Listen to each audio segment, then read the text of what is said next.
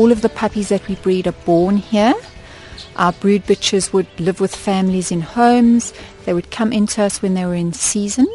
At the moment, we're doing quite a lot of artificial insemination. So the father of all these puppies are American dogs that uh, belong to guide dog schools overseas. Puppies are born here. They're looked after by us until they're eight weeks of age, and when they're eight weeks of age, they go and live with families who undertake to bring them up for us for the first year of their lives. Volgens Glover is daar sowat 25 klein hondjies by die vereniging en teel hulle hoofsaaklik met labradors en golden retrievers. And we do a cross between the labrador and the golden retriever.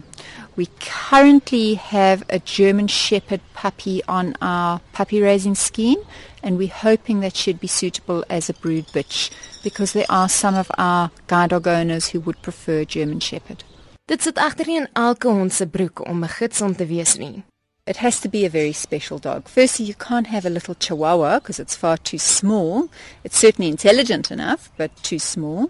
It would be very hard to have a Great Dane because if you were getting on the taxi or the aeroplane, you know, where would you put it? You want a dog that's bred to work, so it's got a good level of concentration.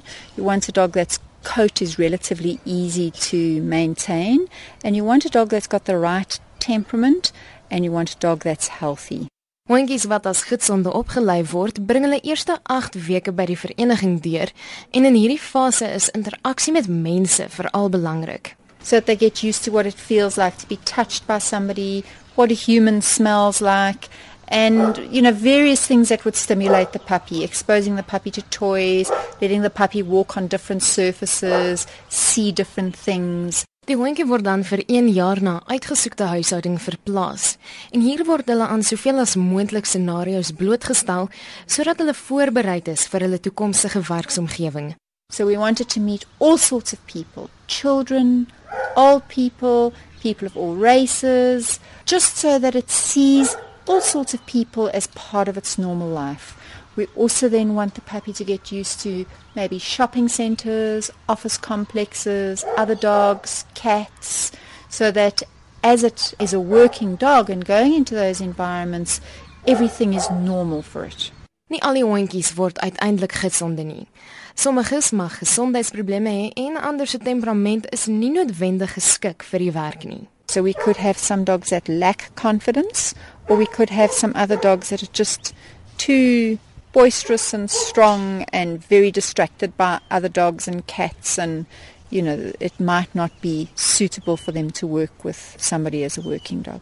Wanneer 'n hond reg is om by 'n eienaar geplaas te word, word verskeie faktore in ag geneem. We would look at the sort of energy requirements of the dog, the size of the dog, the strength of the dog, what sort of areas the dog works best in, and we would also look at everything we know about the person.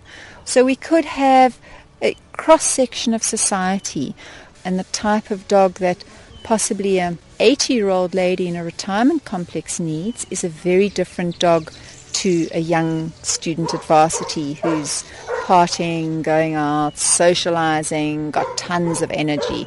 So, you know, we would match the dog to suit the person. Die vereniging lei ook dienshonde op wat onder andere gebruik word om mense met outisme by te staan. Bly ingeskakel op Monitor want binnekort het ons 'n baie spesiale ateljee gas Juliet. Sy is een van die dae klaar met haar opleiding as gidshond en ons vind uit presies hoe dit werk. Ek is Marlene Verschiefer, SABC nuus.